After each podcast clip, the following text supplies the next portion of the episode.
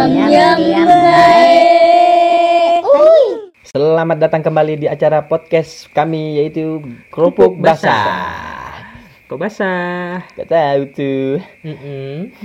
Jadi kami di sini di episode kedua ini kami akan melanjutkan cerita horor dari saudara Lupi yang kemarin udah kami upload sebelumnya jadi sekarang ini adalah lan- lanjutannya men oke? Ya, jadi bagian, silahkan bagian kedua nih. bagian kedua sampai bersambung. Mm, jadi silahkan bagi yang baru mendengarkan silahkan dengarkan dulu yang bagian pertama Pertama biar tahu alur ceritanya bagaimana Biar ya. nyambung kamu tuh. Mm, biar otaknya nggak nggak sendat Mm, Biar nyambung kamu jadi tuh. ya udah ayo kita dengerin langsung gimana pi kelanjutannya pi jadi singkat cerita setelah ibu pulang ke Kalimantan lagi pulang selesai jengukin Hmm?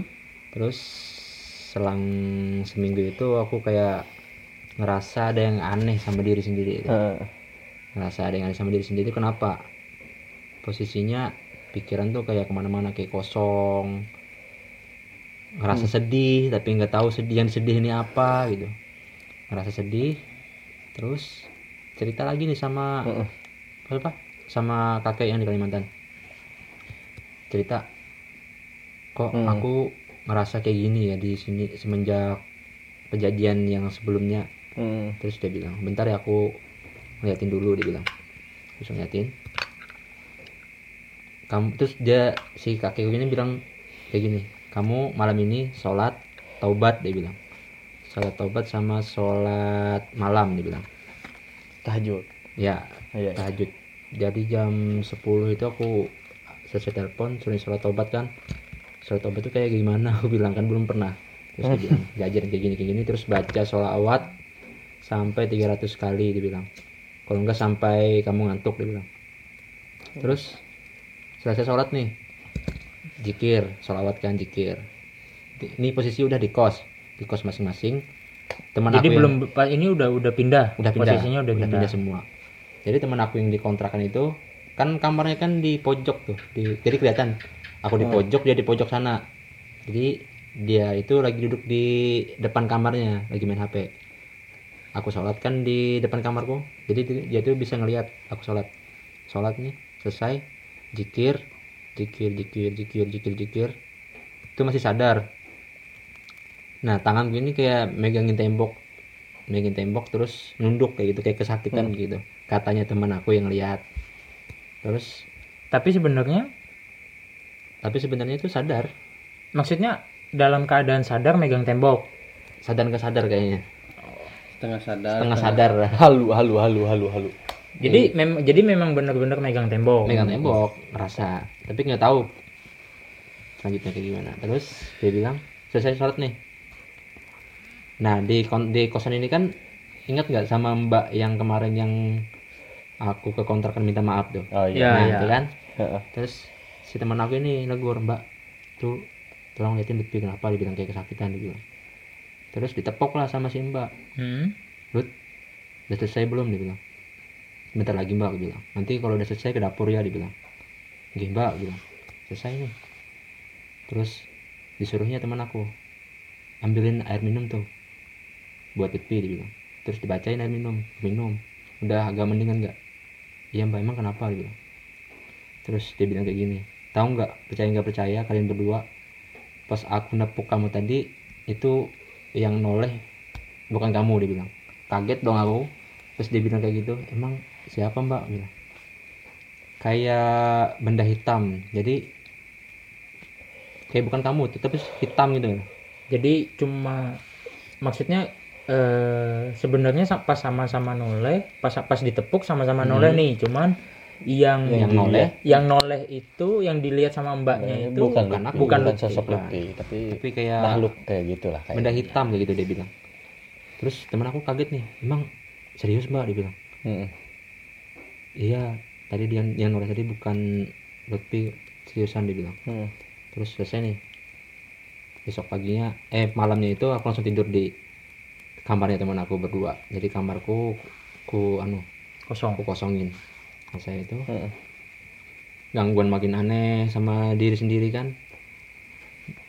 Gabut nih di kos. Ke kosnya teman main ke kos teman. Temanku beda beda teman lagi. Terus main situ kayak orang gila katanya sampai situ tuh kayak joget-joget. Yang nggak pernah joget joget-joget. Terus di videoin aku tuh nggak sadar dia videoin. Main wayang. Hmm. terus ada helm aku kasih karung. Di, di atas helm tuh. Jadi Aku- gila aku taro anu Jadi sapu di gila. aku mainin kayak wayang kayak gini.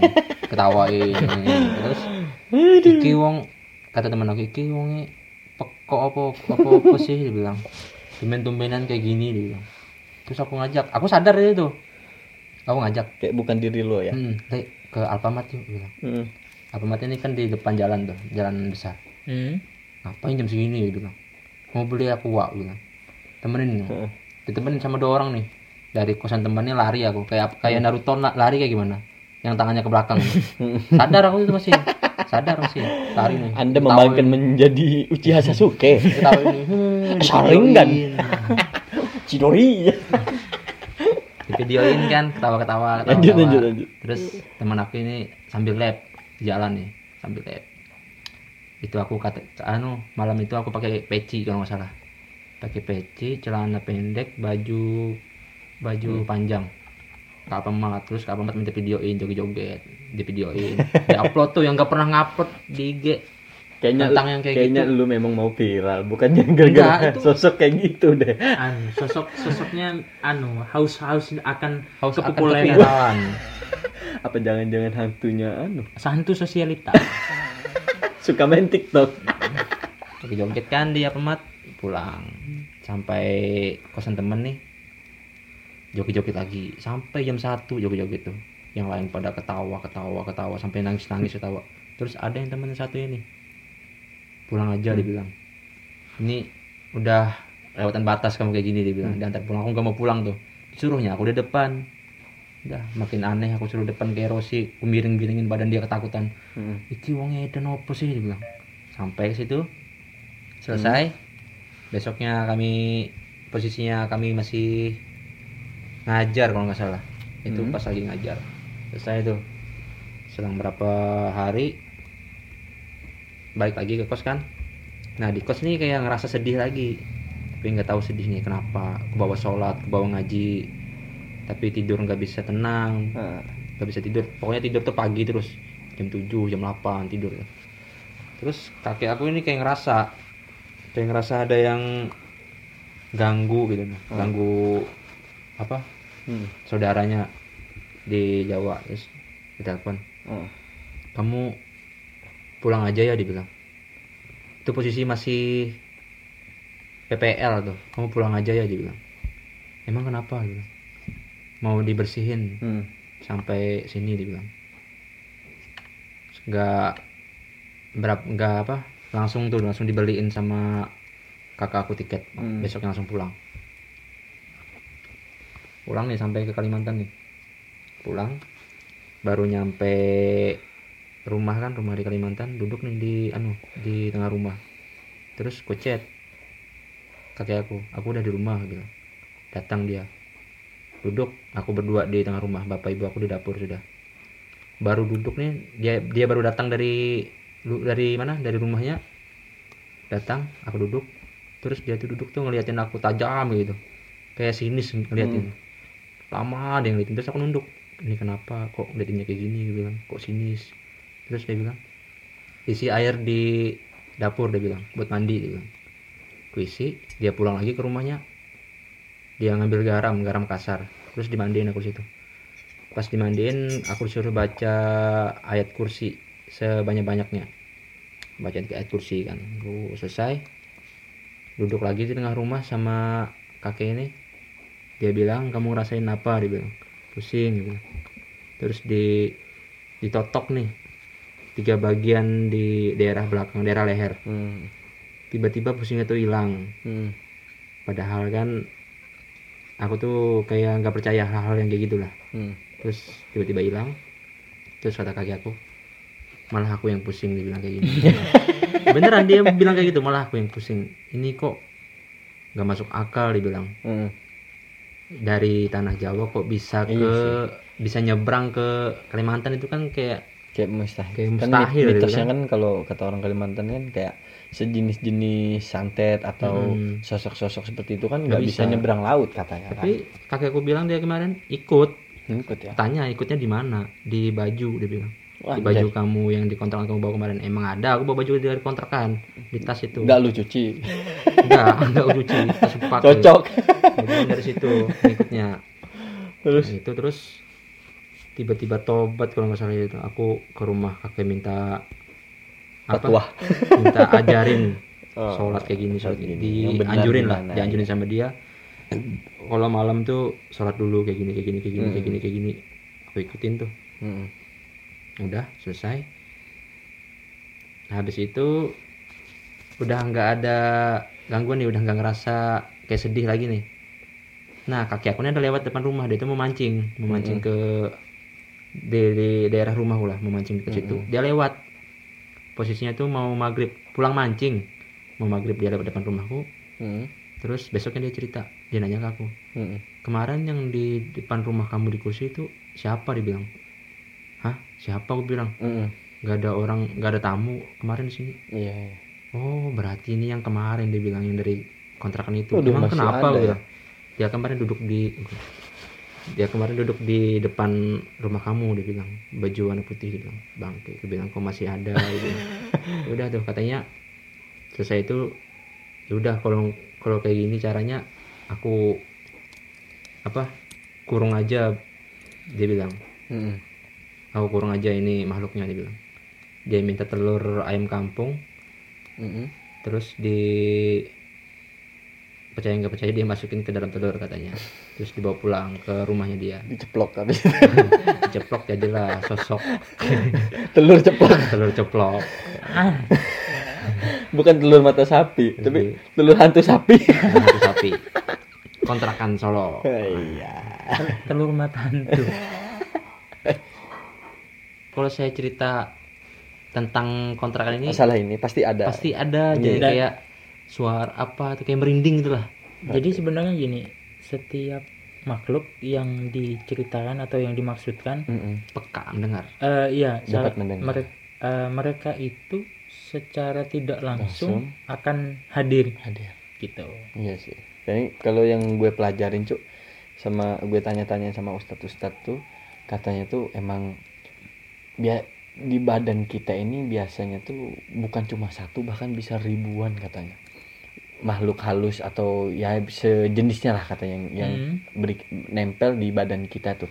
Entah itu ganggu kita se- ya seperti Lutfi tadi atau kayak bik- bikin kita berkelakuan yang buruk itu bisa loh katanya. Bukan cuma tentang ngantuk apa tuh nakut nakutin aja katanya sama tapi lo nggak di nggak pernah ngeliat dia nah sosok itu kan cuman sepintas doang. Pintas doang. Cuma gangguan gangguan kayak gitu ya. Kayak Hmm, rasa kayak bayang-bayangan. Jadi Bayangan. sebenarnya yang masuk di bukan masuk sebenarnya, yang yang ada yang yang sama Lutfi ini, ngikutin Lutfi. Mm-mm, Hmm. ini apa maksudnya dari Lutfinya sendiri sadar nggak sih? Dan Kalau- dan pernah Ya, ah. dan pernah ngelihat nggak sama makhluk eh tersebut? iya makhluk ini? Kalau ngelihat secara langsung tuh enggak selesai saya habis apa bersih bersih diri lah ibaratnya. Dari kampung kan balik lagi nih ke Solo. Terus nanya sempat nanya ke orang sekitar. Heeh. anu sama orang yang samping samping tuh pak tetangga tangganya lah. ini rumah dulu emang dari dulu kanker kayak gini atau kayak gimana bilang. Itu tanyanya ke? Ke orang sebelah rumah. Orang sebelah rumah. Ibu yang sebelah rumah tuh. Heeh. enggak ya masnya dulu dulu sebelum masnya yang ngontrak ke sini cewek malah dibilang. Empat orang empat orang juga dibilang di Mm-mm. ngontrak sini. Kat- tapi dia nggak ada cerita kalau nggak ada gangguan dibilang. Heeh. kok baru mas-masnya ini aja yang baru keganggu dibilang. Heeh. kayak gitu doang.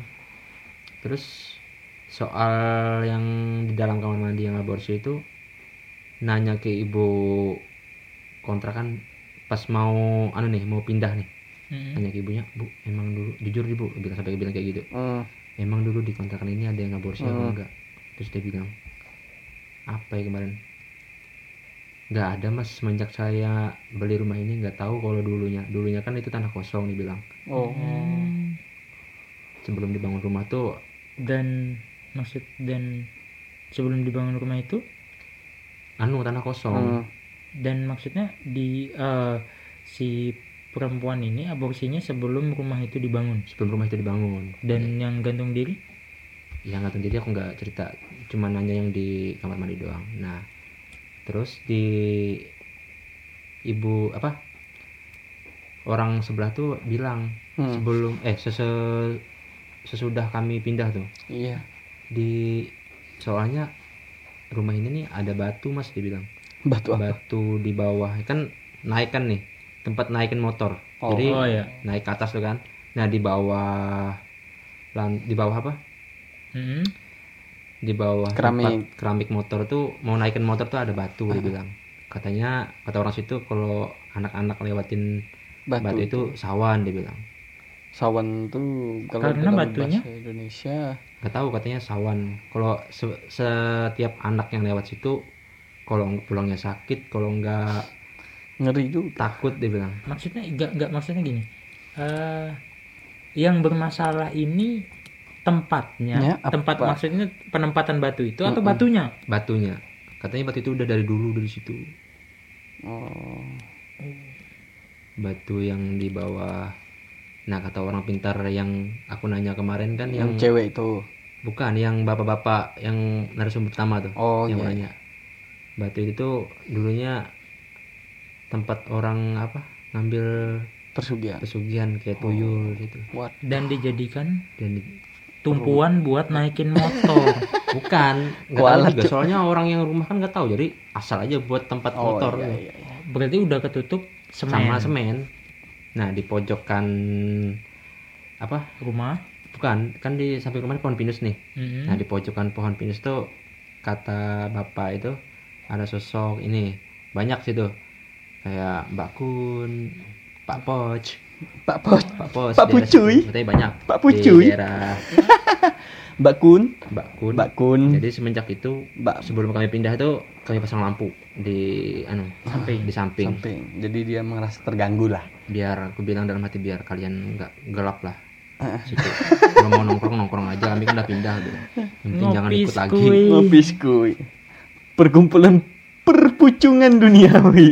posisinya rumah itu buntu jalannya cuman rumah sebiji itu doang rumah yang kami kontrak itu doang Mm. nggak ada jalan sana cuman itu terakhir rumah yang terakhir Mungkin pelajaran yang bisa kita dapatkan dari dari cerita Lutfi ini menurut gue ya sebaiknya kita kalau misalnya kita nih yang perantauan nih atau yang lagi kuliah atau apa itu lebih berhati lebih berhati-hatilah. Seperti misalnya mencari kontrakan tuh ya dicari tahu dulu lah silah-silahnya. Eh, silsilah. So- setiap so- rumah tuh pasti ada penunggu. Iya. Cuman tergantung Tung- tergantung. Menggang- mengganggu Gue atau apa tidak enggaknya. Hmm. tapi kalau gue cuk kalau kata orang tua gue ya waktu gue ngontrak tuh kan gue kan kebetulan ngontrak juga tuh.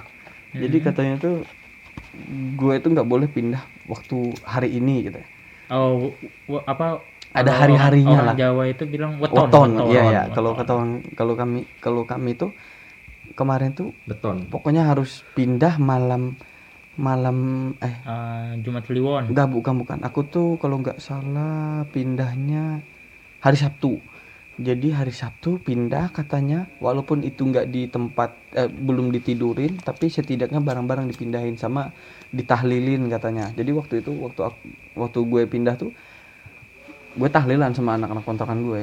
Jadi berempat tangan gitu. Jadi, biar biar biar nggak diganggu lah pamit lah bahasa sopannya kan. Kita pamit sama penunggunya atau ya emang setiap tempat tuh ada sih menurut gue bukan ya, cuma tetap, tetap anu, ada. cuman tergantung, itu tadi sih si penunggunya Mm-mm. mengganggu atau tidak mengganggu? Bukan tergantung penunggunya sih pak. Tergantung Tergantung. orangnya yang ngontraknya. Ya, iya sih. Ya salah satunya. Itu kan sih. awal mulai kan dari situ dulu tuh Iya baru sih. ke yang penunggu. Nah. kalau yang ngontrak udah celelean udah nggak beres di kontrakan?